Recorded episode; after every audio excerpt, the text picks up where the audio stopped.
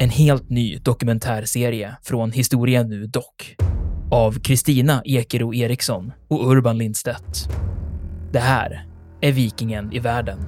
Vikingarna, de var inte något främmande folk. Sannolikt är det ett slags tempel, ett kulthus helt enkelt. Enligt legenden så är rykiderna skandinaver. Från skeppet och bränslet och slavinnan och hennes herre hade blivit till aska. Du hör dokumentären på historia.nu eller där poddar finns.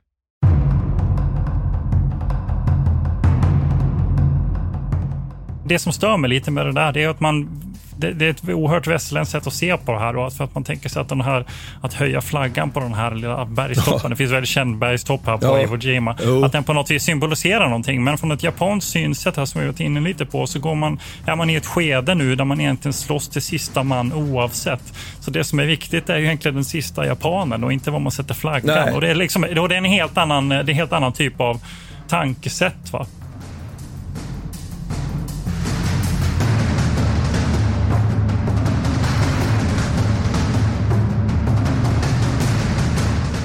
Militärhistoriepodden är podden om krig med människor och samhället i fokus. Programledare är Martin Hårdstedt, professor i historia vid Umeå universitet och Peter Bennesved, doktor i idéhistoria. Podden ges ut av förlaget Historiska Media. Stöd gärna MH-podden via vårt swishnummer 123 610 76 68. Märk betalningen med MH-podden.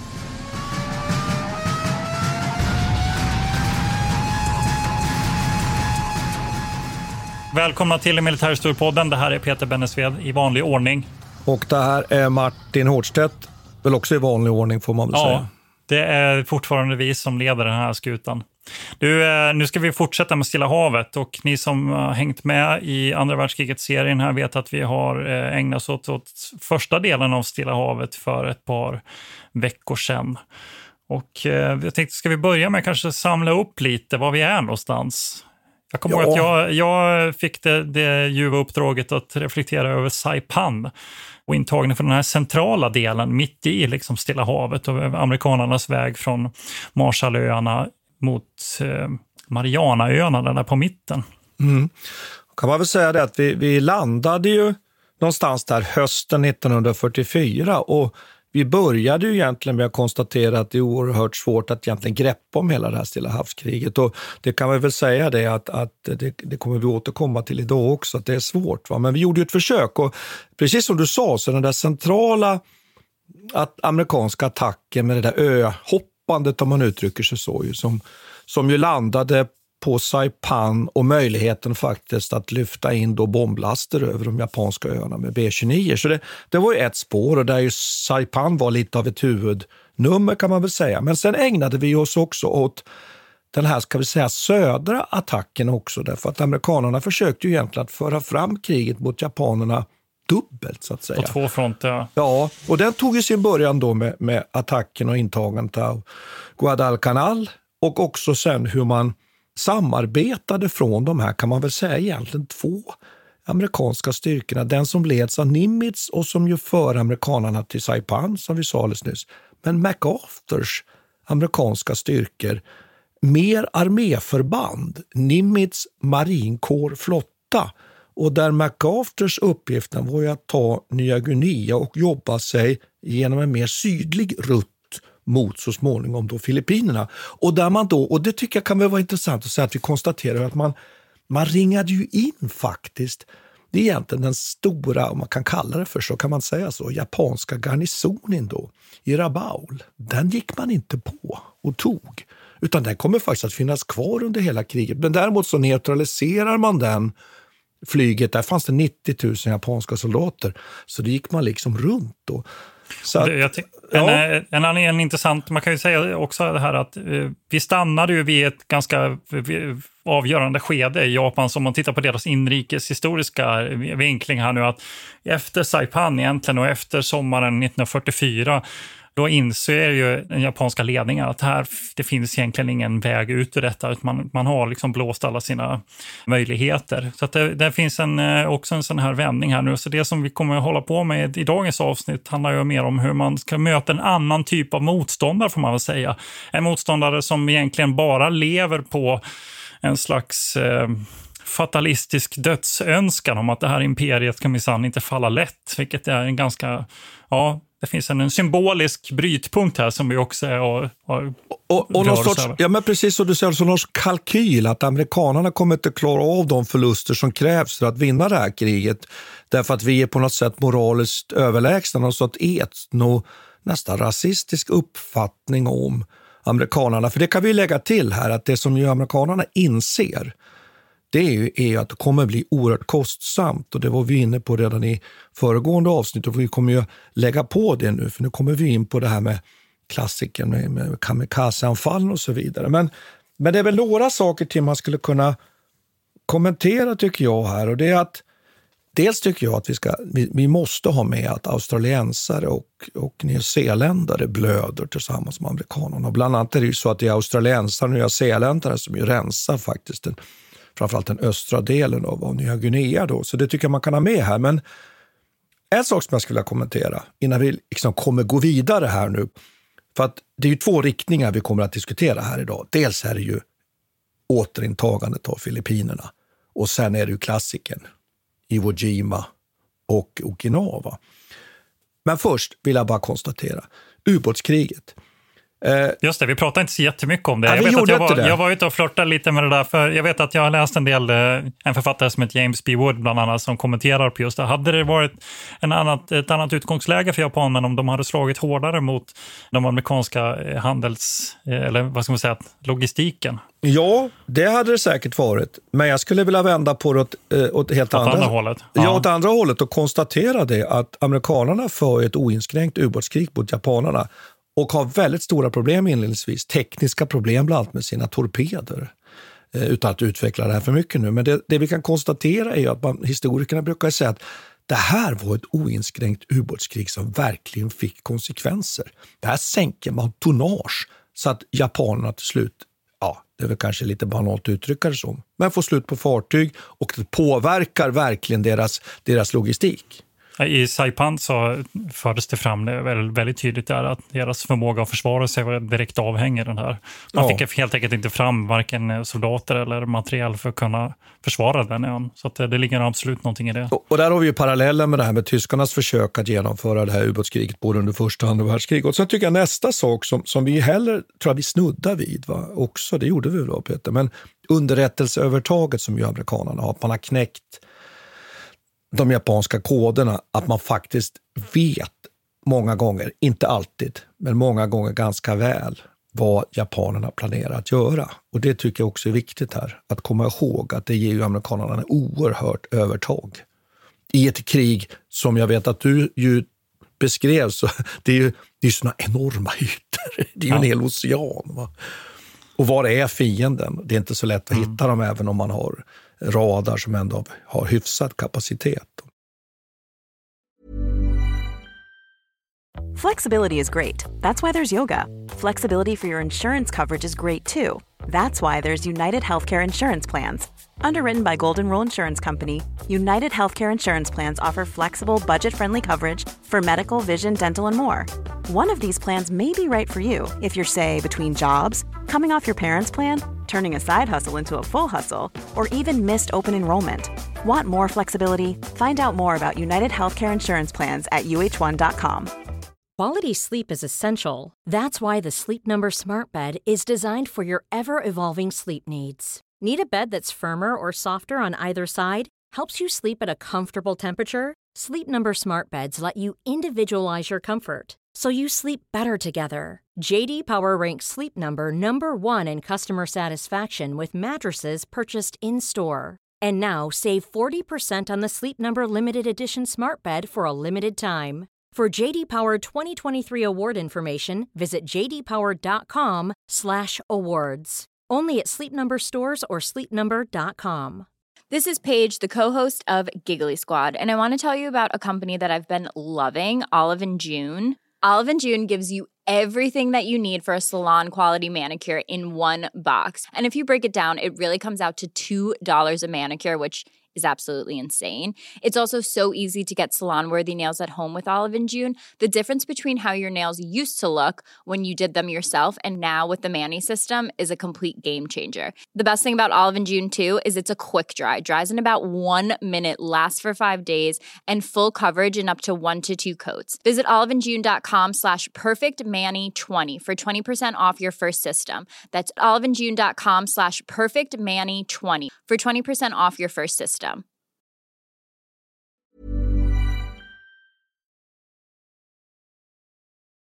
Så jag tycker en sista sak här, ett litet, vad ska vi kalla det för? Att vi skriver lite ut då, ur oss här lite nu. Men man, man kan konstatera en sak, att det är ju faktiskt så att där Japan har mest trupper, det är ju inte på öarna ute i oceanen. Utan det är ju faktiskt i, i, i Kina, i Manchuriet. Och det tycker jag är viktigt att komma ihåg. Så att den här, om man uttrycker sig så, fastlandskrigföringen, eh, den bestämde vi oss lite för att faktiskt återkomma till, Peter. Visst var det så? För jag tycker att det, det är liksom ett koncept i sig. Men det viktiga tycker jag är att konstatera då att... Ja, men de bygger ju i och för sig upp. Jag tycker att det är både rätt det du säger, men det är också eh, lite fel. För att de, det som är problemet är väl snarare att det är, det är tidigt i Stilla havskriget så har de inte så mycket folk ute på öarna. Men de bygger ju upp under 44-45 så, så skickar de ut åtskilliga divisioner. Och de matchar väl två till tre tror jag. Alltså att de har, amerikanerna har ett övertag på en tredjedel ungefär. Ja, jag kan köpa det. Jag kan köpa ja. att man för över. Och att man men, det är, kanske... men som sagt, det är först 44-45, ja. så då, då är det ju redan kört på ett sätt. Det kan jag köpa, men jag kan, man kan väl säga som så att man kan väl säga att armén då bland till Manchuriet, som ju var den största de hade, den, den var ju på något sätt också en reservarmé. Va? Men jag tycker det, det, är intressant att konstatera att i det här lite tidigare skedet, då, som du säger, då är det faktiskt bara så att man har bara 20 procent av sina styrkor. Ja. Det säger ju också någonting hur man tänker sig att man ska föra det här kriget, att man liksom räknar kallt med att Stilla havet inte, att amerikanerna kommer inte göra den här typen av framryckning som de gör. Så man väl... tror på sin flotta ja. kanske också. Ja, Eller kanske, precis. man tror på sin flotta och man tror inte på amerikanerna. Det som väl ändå fastlandskriget har viss betydelse för, så tycker jag ändå man kan nämna här, det är ju att amerikanerna har ju flygbaser som faktiskt når delar av Japan från det kinesiska fastlandet. Men med det så tänkte jag att vi släpper det där och så återkommer vi i ett specialavsnitt tycker jag om det där som är, som är eftersom det är en så stor intressant fråga tycker jag. Men vad, vad säger du Peter? Då ska vi köra lite island hopping eller? Ja, eller jag tänkte vi skulle börja med Filippinerna. Ja. Ska ja, vi göra det? Består, består väl mer eller mindre av öar det, det håller jag med om, det är lite ja. island hopping faktiskt. Men man fattar ju beslutet att anfalla Filippinerna och återta det. Och då är det ju den här lilla ön bland de andra öarna som du så riktigt påpekade här ju. Leyte som man satsar på och mot Leyte så skickar man en enorm flotta. Sjätte armén, 200 000 man Peter, det är ganska mycket. Man räknar med att ha en siffra här, 778 fartyg. Jag vet inte om det är exakt. Man undrar så här plus minus ett eller två, eller tänker man alltid när man får en sån exakt siffra. Men hur som helst. Befälhavaren heter Kincaid och den flotta som man då har gått ombord på, då, det är sjunde flottan. Och den går mot Leyte. Och sen har man då tredje flottan under Halsey som ska skydda då den här landstigningsflottan. Och lite intressant tycker jag man kan kommentera här att sjunde flottan med landstigningsarmén, den står under direkt befäl av MacArthur.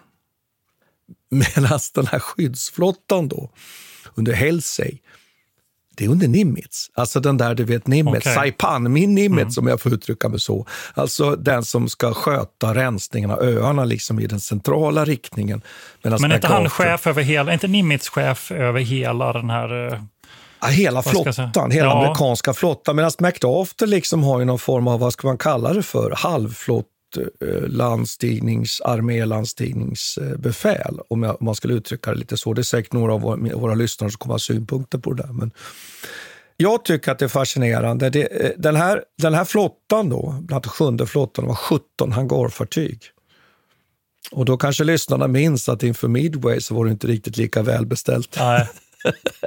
så att det man kan säga är ju att det här är ju ett, och man har sex splitternya slagskepp bara för att nämna några här. Då, va? Det är en enorm flotta. Man brukar säga att den här, den här kraftsamlingen som nu sker mot Filippinerna till sjöss, det bäddar upp för världens största sjöslag. Därför att japanerna naturligtvis har förberett sig för att nu försöka få till det där som vi diskuterade i förra avsnittet, det där, det där avgörande slaget. Ja. Eller hur? Ja, eller hur? Det här självförblödande slaget för amerikanerna. Så, så hela det här är liksom upplagt nu för en jättekonfrontation, för då har japanerna en idé här då om att man ska anfalla helt enkelt från två håll. Norr om Leyte och söder om Leyte och försöka ta den här invasionsflottan med överraskning och sen är man då så smart som man har tänkt att, att lura iväg då Helseys tredje flotta, han som har de tunga fartyg och framförallt den tunga hangarfartygsstyrkan, lura iväg den mot de japanska hangarfartygen som vid det här laget faktiskt har förlorat de flesta av sina flygplan och är ganska ofarlig. Så det här är upplägget. Och hur går det nu då? För att, väldigt enkelt. Ja, amerikanerna lyckas då stoppa det södra anfallet. Ganska spännande faktiskt att det gör man med sex gamla slagskepp. Jag måste faktiskt nämna det här, för jag tycker det är lite spännande. Och fem av de här, Peter, de plockade upp från, från botten i Pearl Harbor. Och Aha, rustat upp. Okay. Och, och då är det så att, att japanerna kommer in från söder. De här slagskeppen är naturligtvis bitvis då kanske underlägsna vissa avseenden, men har bra radar. Och tillsammans då också med attacker från jagare och torpedanfall va, så lyckas man slå tillbaka det här södra anfallet. Sen är det så lustigt då att Kurita heter han som är chef för den andra attackstyrkan och han har ju ett av de här jätteslagskeppen. Är det Yamato som är med? Eller? Nej, utan det är, precis. Mm. Sy systerfartyget heter det väl. För att, mm. Och det sänker amerikanerna faktiskt innan Kurita ens har hunnit så att säga, fram till Löyten och hunnit gå runt Löyten till norr om eh, Löyten och genomföra sitt, sin del av den här kniptången som japanerna har planerat. Men hur sänker man det? Är det med torpeder eller? Man räknar med 19 torpeder. Ja, och kul. bomber. Och sen, jag, visst ja, är det jag, jag återkommer till det där när vi ska prata Yamato sen. Ja, men, ja, ja precis. Ja. Och då är det så att Kurita blir lite, han tänker, ah, så han är lite på väg att vända, men så ångrar han sig. Och så lyckas han i, i, under natten då, mellan den 24 och 25 slinka emellan och ta sig runt då lite och inleda det som förefaller då så att säga ha blivit en fullständig katastrof för amerikanerna. För han har fortfarande, trots att han har haft en del förluster, bland annat då i det här stora jätteslagskeppets sänkning. Då. Men då lyckas, här brukar man prata om som ett under under Stilla havskriget. Den här, kan man säga, väldigt svaga skyddsstyrkan som finns då med ett antal lätta kryssar och jagar, de anfaller självuppoffrande mot den här japanska styrkan. Och Kurita får plötsligt för sig att kanske jag har den här tredje amerikanska flottan framför mig. Och jag har ju inget skydd av luftskydd nu från hangarfartyg eller någonting sånt. Så han vänder som ett mirakel och försvinner bort. Då. Men det spännande är då att den tredje amerikanska flottan som egentligen skulle ha varit där och tagit hand om de här japanska anfallen, de är norr om Filippinerna och jagar de här ofarliga japanska hangarfartygen. Så japanernas krigslist går liksom egentligen hem, därför de hade tänkt att locka bort den där tredje flottan, vilket de mycket lyck lyckas göra. Men de får då de där fyra sista hangarfartygen då sänkta. Så att summa summarum, katastrof för den japanska flottan. Man förlorar en fjärdedel av, av alla de fartyg som man förlorar efter Pearl Harbor. De förlorar man här vid Leyte. Världens största sjöslag och också ett väldigt avgörande sjöslag. Och till slut och sen så landstiger ju amerikanerna både på Leyten och sen så småningom också på Luzon och kan återta Filippinerna. Så att, jag vet inte, kan det vara något annat man skulle kunna kommentera här? Nej, men det är intressant. Alltså, jag vet inte, har, vi, har, du, har du gjort rätt nu för, för eh, liksom världens största sjöslag här nu? Tyckte att jag, jag, jag borde ja, ha brett på ja, ännu mer? Alltså. ja. ja, men det är så jäkla spännande. Så, och sådana otroliga massor. Jag tror inte lyssnarna heller riktigt, eh, eller den som inte känner till de här skeppen, Musashi och Yamato, eh, Eh, hur stora de är. Liksom. Vilka, vilka enorma. Det tog, tog ju fyra år att bygga de här. De är ju över 260 meter långa. Och, och så stora kanoner har aldrig tidigare funnits. Så kommer aldrig mer att finnas, vad vi vet än idag i alla fall, på, på en, ett och samma skepp. Alltså. Det, det, det är några otroliga mängder, sådana otroliga resurser som, som åker till botten här. Mm. Och Det man kan säga är ju att japanerna förlorar ju ändå inte så många fartyg som de kunde ha gjort. För hade då Helseis tredje flotta varit på plats, då hade de ju gått rakt in i den och säkert haft ännu större förluster. Men trots det, då, och också att det finns den här lite, vad ska vi säga, ingrediensen där av att det kunde ha gått riktigt illa för amerikanerna tycker jag gör det här så väldigt dallrande. Sen kan man väl bara kommentera det att, att striderna på, på Filippinerna, återtagandet av Manila och så vidare blir ju oerhört tidsödande och kostar ju oerhört många människor livet. Men om man ska vara lite kritisk kan man väl också tänka så här att förr eller senare så skulle den här tredje flottan också vända från de här 17 hangarfartygen. För det är ju någonting som är känt och som vi har nämnt tidigare. Alltså kvaliteten på, det, på de japanska piloterna och på deras, deras eh, jaktplan är ju Mitsubishi Zero var ju en utmärkt, ett utmärkt flygplan i början av kriget, men inte liksom 44-45 längre. Så att eh, förr eller senare så hade det nog räckt med att man vänder den här skutan. Ja, så är så det. Och, och då, då är men absolut, rätt, det finns ju, sån, mm. finns ju en sån önskan att liksom dramatisera det här slaget ytterligare, kanske mer än vad det, vad det var, ja. men det är ju ändå ja, det, det Men det lustiga tycker jag att den tredje amerikanska flottan jagar den här, den här japanska hangar fartygsstyrka mm. med fyra som egentligen i princip är tomma på, på flygplan. Alltså. Ja. Och det ska vi också komma ihåg att innan man anfaller Filippinerna så har man genomfört en luftoffensiv där man har så att säga, slagit ut det mesta av det som japanerna även har landbaserat. Så det är viktigt att komma ihåg det. Trots det så har ju amerikanerna också en hel del förluster eh, naturligtvis under det här slaget. Men som vi redan har konstaterat, det spelar mindre roll för amerikanerna. De har sånt materiellt övertag. Va? Så det här är liksom den ena delen nu då av kriget. Mm. Och, eh, men och den då, andra delen? Ja, ja vi växlar kan, över då så att säga. Va? Precis, så kan jag fortsätta där vi var sist. Vi slutade ju, jag slutade i Saipan, där mitt i, mitt i Stilla havet, Marianaöarna. Och nästa steg i den här offensiven, det är egentligen vidare från Marianaöarna. Vad blir det? Nord östlig ja. riktning va? mot Iwo Jima och vidare mot Ryukyu-öarna. Och jag vet inte om det är någon som har följt oss länge så har de säkert hört de här avsnitten vi har gjort om Japan tidigare. Eh, och de här Ryukyu-öarna är rätt intressanta för i det här sammanhanget så hotar de då de här inflygningen av B-29 bland annat, de ser bombräderna som man tänker eh, utföra mot japanska huvudöarna. Då. Så därför vill man säkra både Iwo Jima och Okinawa.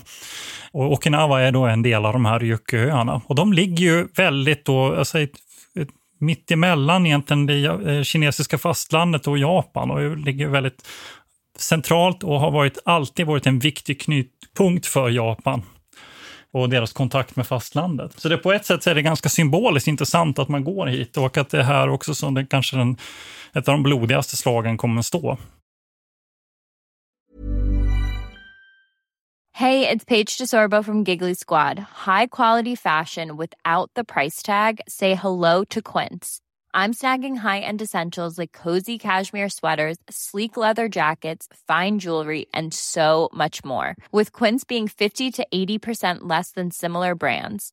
And they partner with factories that prioritize safe, ethical, and responsible manufacturing. I love that. Luxury quality within reach. Go to quince.com slash style to get free shipping and 365 day returns on your next order. Quince.com slash style.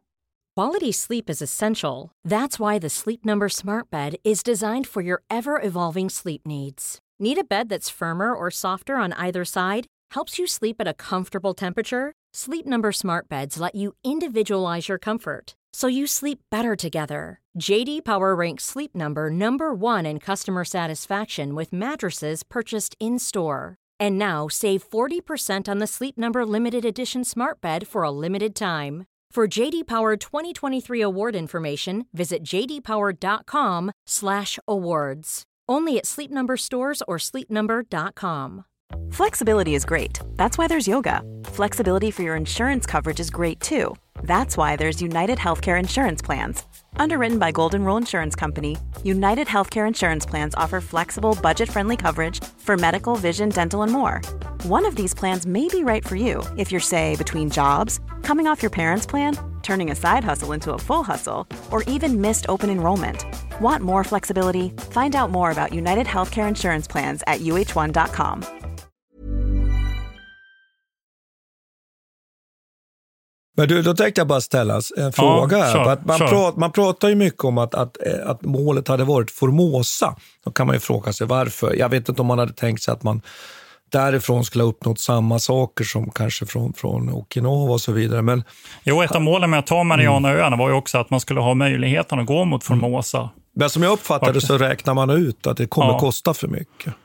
Precis. Jag har Och inte att satt det in fortfarande... detaljerna. Det nej, men att, jo, men att det kostar Ja. för mycket och att det också, och man, man helt enkelt slår det i hågen. Och sen precis som du har varit inne på, att betydelsen av de här öarna och överhuvudtaget det där, att det där, det förstör ju hela den här B29-förmågan. Ja, exakt. sätt. Och det, är det, man vill, det är ju det man vill säkra.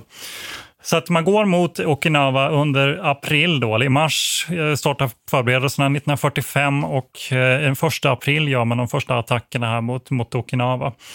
Och det här ska väl bli ganska blodigt. Jag kan, bara, kan vi nämna inledningsvis att det kommer ju leda till flera hundratusen människor som dör här nu då.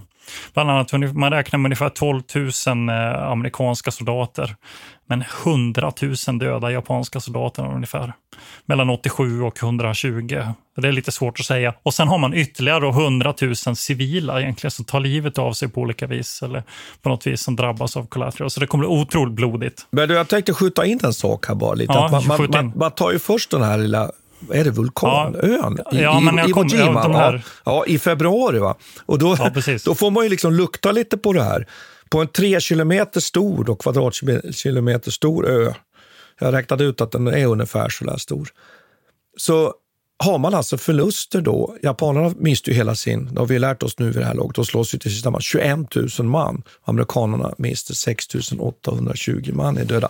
Så då hade man ju smakat på det där. Okinawa är ju större, eller hur? Va? Som du säger. Men, jag, men visst, men jag, en grej som gnager med Iwo Jima, jag vet inte om du har sett den här filmen som Clint Eastwood har gjort. Jo, jo. Också. Och det här med att liksom- man reser finns- den där ja, flaggan, att det är raserna, diskussionen precis. kring att det är arrangerat och sådär. Ja. Precis, och jag menar det, men det, det som stör mig lite med det där, det är att man, det, det är ett oerhört västerländskt sätt att se på det här. Då, för att man tänker sig att den här, att höja flaggan på den här lilla bergstoppen, det finns väldigt känd bergstopp här på Ja. Iwo Jima, Jo. att den på något vis symboliserar någonting. Men från ett japanskt synsätt här som vi varit inne lite på, så går man, är man i ett skede nu där man egentligen slåss till sista man oavsett. Så det som är viktigt är ju egentligen den sista japanen och inte var man sätter flaggan. Nej. Och det är, liksom, och det är en helt annan, det är en helt annan typ av tankesätt. Va? Så absolut, Iwo Jima är intressant, men jag tänker vi hoppar över den. Jo, jo jag, jag, jag ville bara Ja. skjuta in den här. För att, Ja, för att det är ju så att då, då tänker lys, eh, lyssnarna, ja, men Iwo Jima har ni missat det. Det är ju liksom en, en, en, ja, en bit på vägen om man uttrycker sig så. Då, att man, och, och det är framförallt är det så att man har flygplatser på Iwo Jima som man sen kan använda för att ta Okinawa. Det är ju så, det, är det som är logiken. Här. Men Okinawa är ju det stora, stora anfallet här som du är inne på. Precis. Operationen, eh, eller invasionen kallas för Operation Iceberg. Och, eh, och, Ja, kan ja, man få en förklaring till det? Nej, jag vet inte riktigt varför den heter det faktiskt. Det är, intressant namn. Men inte, lätt, inte lättfunnet känner jag inte riktigt. Nej, precis. Eh, Det kanske har någonting med hur de här bergen ser ut och, och, eh, eller hur de här öarna ser ut och liksom motståndet som man kommer möta kanske, att det finns betydligt mycket mer där under. Jag vet inte. Men man kan väl säga att tidigt så får man ju luftherravälde då, av samma orsaker som vi har diskuterat tidigare. Att man har dels med, med mycket förbekämpning och att det, det japanska motståndet i luften är ganska lätt bekämpat. Där, men däremot så kommer de här kamikazebombarna, men vi återkommer till det. Eh, Man tar också ett antal öar utanför Okinawa för att kunna skydda sig och för att kunna ankra sina fartyg i princip. Och det är Chester Nimitz, den admiralen, som, som leder det här. Men på marken då är det Simon Bolivar Buckner Jr., generallöjtnant inom armén här. Han är, kommer att köra en ganska Spec- intressant ja, roll. intressant eh, figur. Ja. Mm. Och om man säger själva striderna eh, är ju rätt lätta att redogöra för. Det man gör är att man landar då den första april här med ungefär 50 000 man, ganska mitt centralt på den västra sidan av Okinawa och delar den här ön i två. Och det som är lite speciellt här är att att japanerna möter faktiskt inte upp. Utan det är någonting de har lärt sig under den här perioden som har varit där, från Guadalcanal och framåt. Det är att man helt enkelt inte behöver slåss mot amerikanerna på stranden, utan man släpper helt enkelt in dem. Och sen så, så gräver man ner sig och gräver in sig genom tunnelsystem och grottor över hela Okinawa. Så det kommer att bli en oerhört blodig strid. Men man kan konstatera så här att eh, ja, de första motattackerna kommer ungefär en vecka senare, så man hinner verkligen etablera sig på den här ön. Då. Men den norra delen av Okinawa kommer man kunna ta ganska snabbt eh, marinkåren som relativt enkelt kommer man kunna men, ta hand om måste, det här. Då måste man ju bara, jag måste få reflektera kring detta. Vi har ju konstaterat det i första avsnittet också, att man, man liksom, som precis som du säger, att man inledningsvis börjar ju faktiskt med att möta amerikanerna, alla, kanske inte direkt på stranden, men väldigt nära stranden i alla fall. Det, det förefaller ju vara det mest förnuftiga, tycker man ju. Eller ja, jag tycker det också. Ja, men, det vet, det, men jag tror att det har det med, med motståndet i, via luften och eh, det artilleriövertaget som man har. Att amerikanerna kan ju till exempel gruppera artilleri på några av de här småöarna som ligger utanför. Ja, va? Och, och, och, och, och, men så länge de gömmer sig i djungeln och inne i mm. bergen så dels är man skyddade mot det här, man syns inte heller. Men det kanske Nej, är lättare man då kan att se. Gräva ner sig. Gräva ja, ner sig. Och att man, precis. precis som du säger, att förbekämpningen blir inte lika effektiv. Och så måste, man ju, så måste man komma ihåg det här målet också som man har på japansk sida. Det ja, döda så mycket här, amerikanare som möjligt. Exakt, inte egentligen att, att uh, bespara de här öarna eller på något vis driva det här vidare, utan det handlar om en väldigt fatalistisk liksom, dödskamp man mot man. Va? Så att uh, de vill dra in amerikanarna in, in på den här ön och sen så låta det kosta. Och det är väl precis vad det gör. Den södra delen är ju den som man har störst problem med då från amerikanskt håll. Och vi pratade lite om Musashi innan, men här kommer också Yamato. I ett slags motanfall här då, den 6 april så skickar man det här systerfartyget till Musashi, eller jag vet inte vilken av dem som är liksom det huvudsakliga. Yamato är lite större har jag för mig.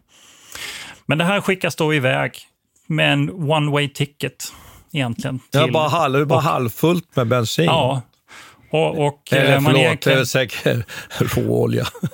ja. Och eh, mm. syftet här är egentligen att man ska strandsätta det här fartyg, fartyget någonstans på de här öarna och sen ska det få liksom skjuta på tills man har eh, åsamkat så mycket skador som man bara kan. Så Yamato, alltså världens största slagskepp, skickas iväg den 6 april tillsammans med 350 kamikaze-flygplan, eller egentligen som en slags ja, levande flygande bomber. Påminner om V2-raketerna ungefär. Med pilot? Då, ja, med pilot. Va? Och så tänker man sig att man ska åstadkomma någon slags slutgiltigt slag. Men man har ju som nämnt tidigare jättesvårt med att få skydd för det här fartyget. Så faktiskt på vägen dit så kommer Yamato utsättas för en jäkla massa anfall från, från amerikanerna. Och du sa 19 torpeder från Musashi. Ja, ja. ja, man räknar med, jag tror att jag såg 16 torpeder behövde man för att sänka eh, Yamato plus åtta stycken väl inriktade flygbomber och sen smäller skiten i luften i princip.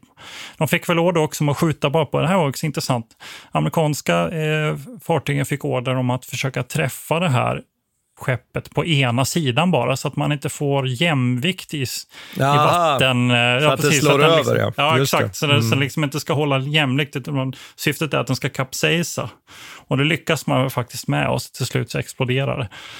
Ja, det, är, det är otroligt. Vid, vid något annat tillfälle kan vi gräva oss djupare i Yamato, för det är inte bara en, liksom en, ett stort slagskepp, det är också en symbol för Japans eh, krigsindustri och har oerhört stort symbolvärde även efter krigsåren och återkommer i populärkultur väldigt mycket. Men eh, i alla fall, den södra delen tar man inte hur enkelt som helst, utan det tar ett tag. Och eh, eh det är först den 22 juni egentligen så begår den här södra, eller befälhavaren, japanska befälhavaren Ushishima, begår han seppuku. Och då har, vid det här laget så har ju runt 100 000 japanska soldater strykit med egentligen.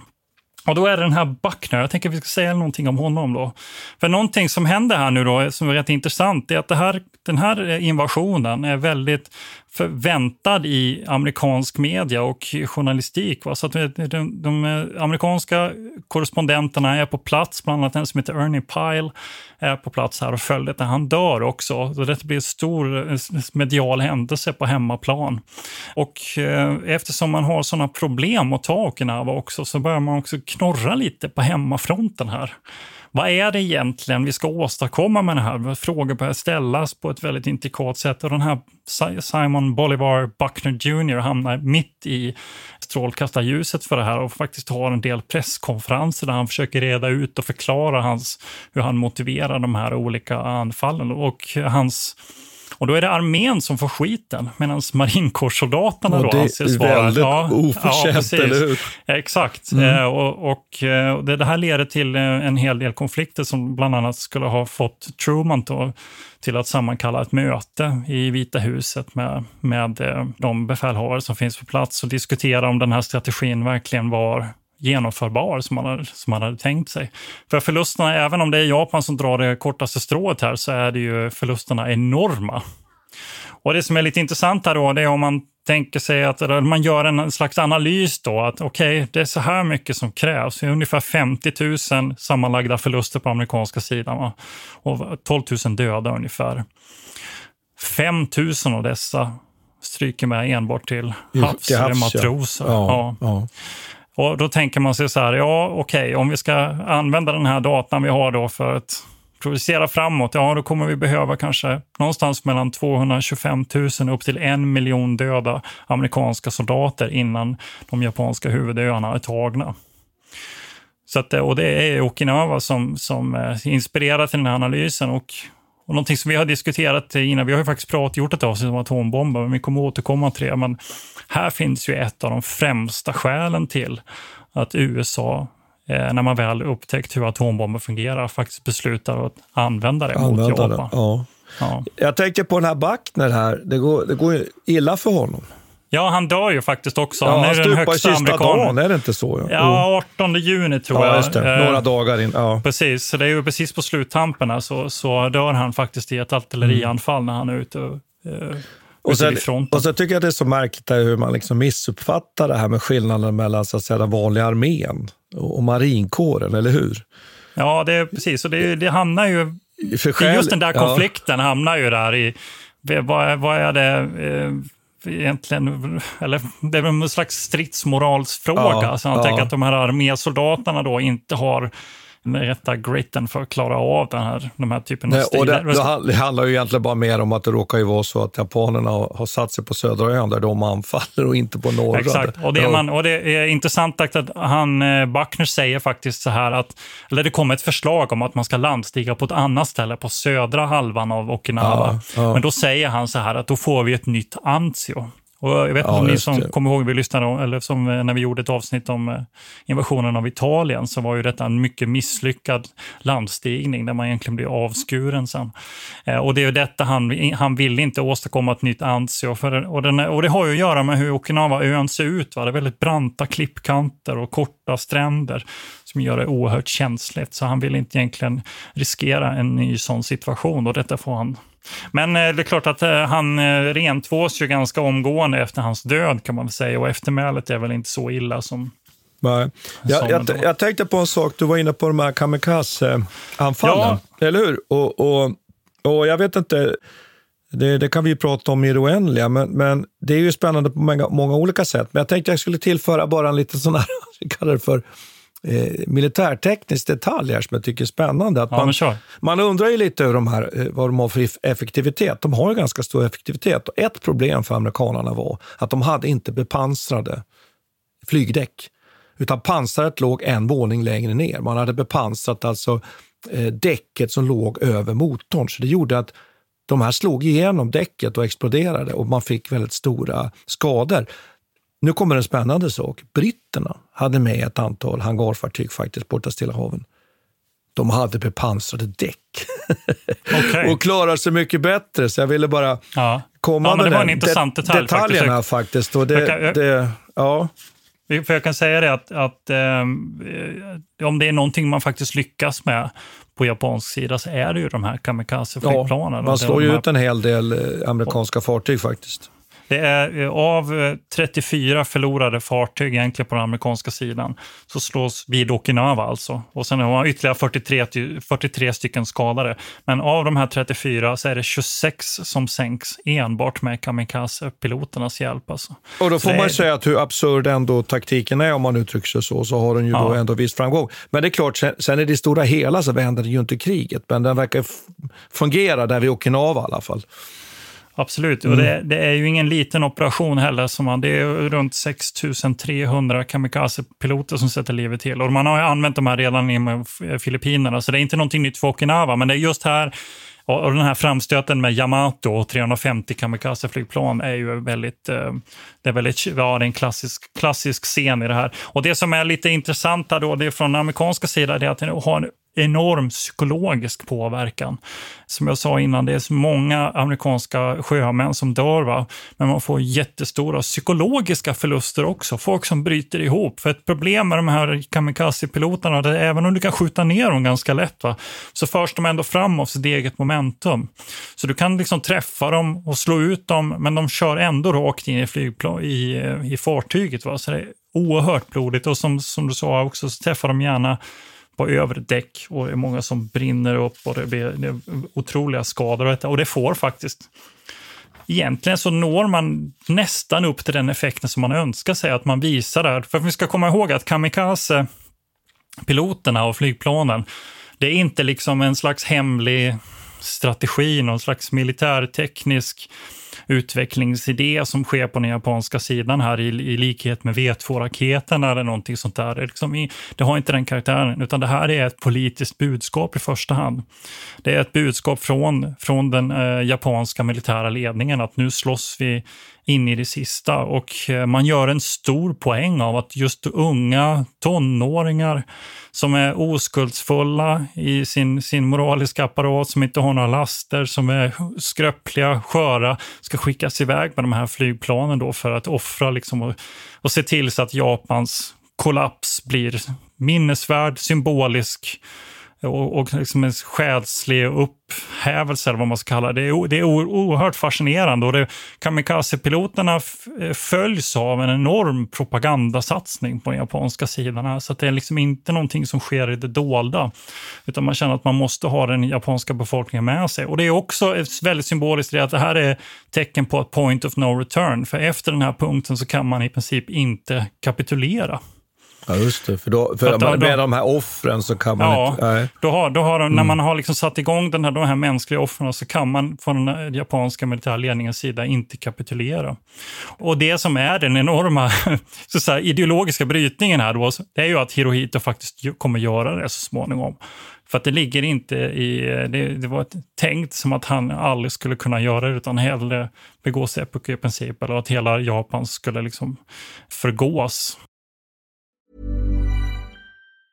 Hi, I'm Daniel, founder of Pretty Litter. Did you know cats tend to hide symptoms of sickness and pain? I learned this the hard way after losing my cat, Gingy. So I created Pretty Litter, a health monitoring litter that helps detect early signs of illness by changing colors, saving you money and potentially your cat's life. Pretty Litter is veterinarian developed, and it's the easiest way to keep tabs on your fur baby's health right at home. Go to prettylitter.com and use code ACAST for 20% off your first order and a free cat toy. Terms and conditions apply. See site for details.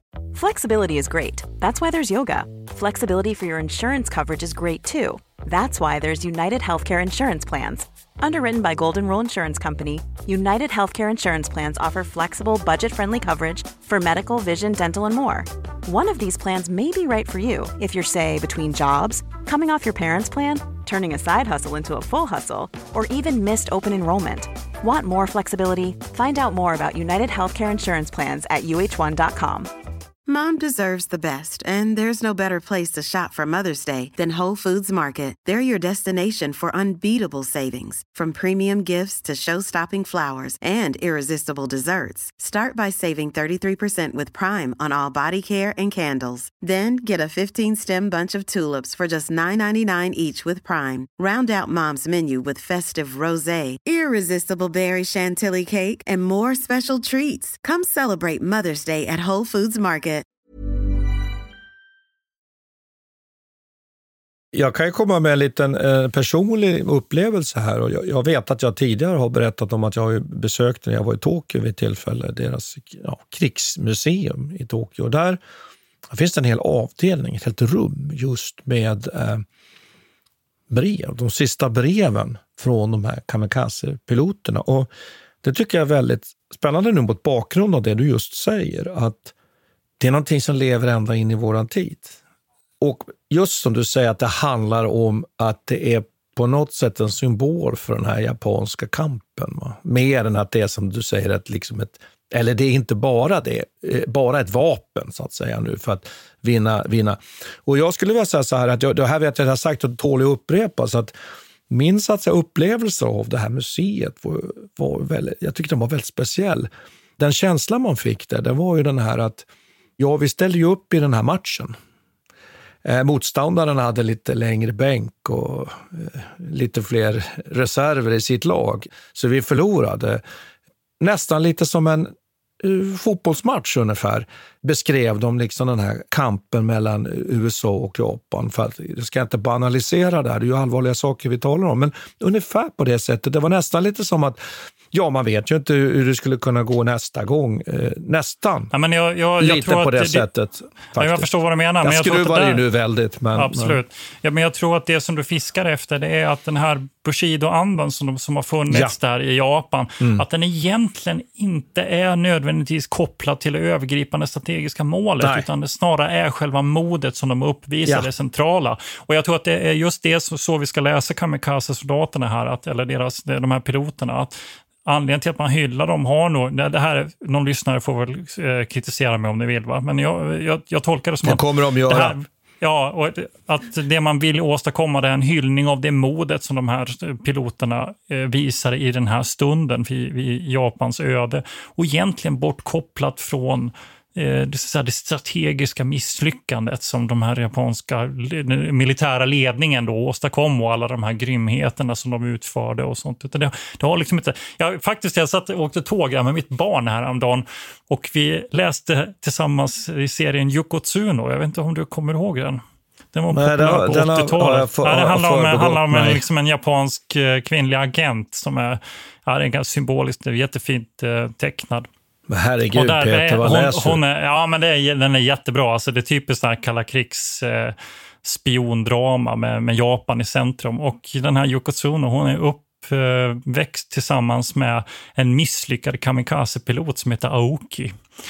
Jag satt och läste och tyckte det var väldigt, den fångade fint den här andan. Just att Aoki, han är väldigt eh, deprimerad och känner sig väldigt eh, misslyckad just för att han nådde aldrig fram. Och den här seriealbumet tar egentligen inte strid med själva liksom, Japans misstag att ge sig i kast med det här kriget. Men, men eh, det slutar med att han offrar sig i ett helt annat ärende och gör en sån här banzai-attack i ett flygplan och då på något vis uppfyller han sitt öde som han tycker att han liksom bestals eller blev bestulen ifrån när han, när han inte nådde fram med sitt flygplan där under 44-45. Så jag tycker att det, det där var, jag, eh, lyssnare får gärna läsa det, jag tänkte, för jag tyckte den fångade upp just upp det där problemet. Att, oh. att vi, vi, kan inte läsa, vi kan inte läsa kamikaze-piloterna egentligen från en västerländsk synpunkt. Nej. Liksom. Nej. Och det, det, där är något som man skulle kunna återkomma till, att, att man, för, man för krig på olika sätt. Även om Japan mm. är väldigt för ett väldigt europeiskt krig så finns det ändå inslag i det som inte är det, utan det tillhör en annan kultursfär på något sätt. Och jag tänkte en sak som vi inte nämnde så mycket, men som är kopplad till det här också tycker jag, det är att de civila blir ju också ett medel i det här kriget, Japan. Och det kan man väl lyfta in här tycker jag. Det kan man väl konstatera på Okinawa, det är väldigt många civila som går åt. Och vi har också nämnt, vet jag, förra avsnittet där man till och med begår självmord Jo, det gör de i stor skala i Okinawa också. Okinawa, att det förekommer man... här också. Att det, det där är också en Absolut. intressant ingrediens, att de civila blir plötsligt också stridande soldater. Ja, men det har det för mm. man tänker sig i det här skedet att hela Japans liksom, kultur och existens ah, kommer helt totalt upplösas. Så då finns det ingen poäng för de här människorna att, att, att leva. leva. vidare. Och att de bara ska dö ärofullt. Va? Eh, och, och de menar, civila kastar sig med sina barn Tillsammans med barn kastar han sig ut från, flick, från klippkanter och de spränger sig med, med handgranater och de kastar sig fram, gör självmordsattacker mot pansarvagnar. Alltså barn gör det. Det, det är oerhört grisigt när man, eh, när man läser om det här. Så att det, jag vet inte, kvackelmagare får hålla sig undan. Ja, man räknar, man räknar ju med att, att kanske så många som 160 000 dog civila på, på Okinawa. Då. Men, ja, det är oerhört grisigt. Men, men, man kan väl bara summera och säga så här att, att, att efter Filippinerna och slaget för Leyte och intagandet av Okinawa, Iwo Jima, men framförallt Okinawa, så återstår ju egentligen bara slutstriden om de japanska öarna. Om vi lite förbiser att Japan fortfarande har mycket trupper i, i Manchuriet och Kina. Och på andra platser också. Vi har ju nämnt några eh, garnisoner som nu är inringade och så vidare. Men vi har väl på något sätt i alla fall förhoppningsvis lagt upp lite eh, bollen här nu då för, för den stora diskussionen om Japans slutgiltiga kapitulation och det som är insatsen av, av, av atombomberna i, i, augusti 1945. Då. Och det är väl så Peter, det kan vi väl släppa att vi hade tänkt att det där skulle faktiskt avrunda våran övergripande serie om andra världskriget och då kommer vi nog vara framme någonstans där tror vi väl, sensommar. Va? Nästa ja, vi får, år. får vi se. Så att det är ett halvår kvar med avsnitt om andra världskriget. Och sen kan vi ju lova lyssnarna att det är klart vi kommer komma tillbaka till andra världskriget och djupdyka i olika saker. vi har ju nämnt bara i de här två avsnitten, men vi har på något sätt försökt att, att, att beskriva vad som händer men precis, i Stilla man kan väl, Exakt, och man kan mm. väl också säga att eh, för den som ger sig i kast mot Stilla havet så är det ju bara snabbt att eh, konstatera att det går inte. Nej. det är så, alltså det är så, det är vi har hoppat över enorma, ja. Eh, väldigt, väldigt många eh, minnesvärda episoder i, den här, i det här kriget. Men det, det är ett helt eget krig liksom, på, på, på en enorm skala. Så att, men men som, det är som du säger, vi återkommer. Ja. Jag ser fram emot att göra ett, ett, ett, riktigt fläskigt avsnitt om Yamato någon gång. Det skulle vara kul. Det skulle vara, se om det blir då. Men en sak som jag skulle vilja slutreflektera kring bara innan vi, vi mm. stänger mm butiken. butiken för idag. Den är ju den att vi var inne på något tycker jag, väldigt spännande som handlar om, om, om hur, hur, man för krig i olika kulturer och också clashen mellan Sovjetunionen och Tyskland och där, där ju ideologin också blir så framträdande. Ja. Och att det är också en annan sak. För en sak kan vi ju säga här bara att vid den här tiden har man ju landstigit vid Normandie. Och kriget i Västeuropa pågår ju nu som hetast kan man ju säga. Då. Den andra fronten är öppnad och det är väl det vi ska återkomma här så småningom till, mm. eller hur? Kommer I bli bra. Serie. Men du, tack ska vi ha Peter. Ja, tack ska vi ha. Tack. Vi tackar Peter Bennesved och Martin Hårdstedt. Kontakta gärna Militärhistoriepodden via mejl på militarhistoriepodden historia.nu. Peter och Martin vill gärna få in synpunkter och förslag till programidéer.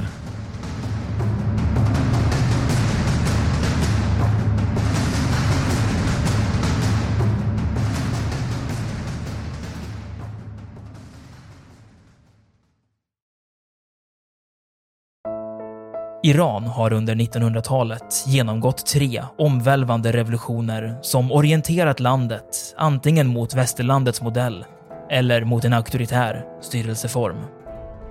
Idag pågår en social revolution i landet som vänder sig mot det islamistiska styret och vars anhängare har Europa och väst som förebilder. I en viktig bok ger idéhistorikern Mohammad Faslashemi en djupare förståelse för dagens dramatiska händelseutveckling. Iran mellan tre revolutioner är utgiven av förlaget Historiska Media Beställ den fysiska boken på förlagets hemsida historiskamedia.se eller köp den i en bokhandel nära dig.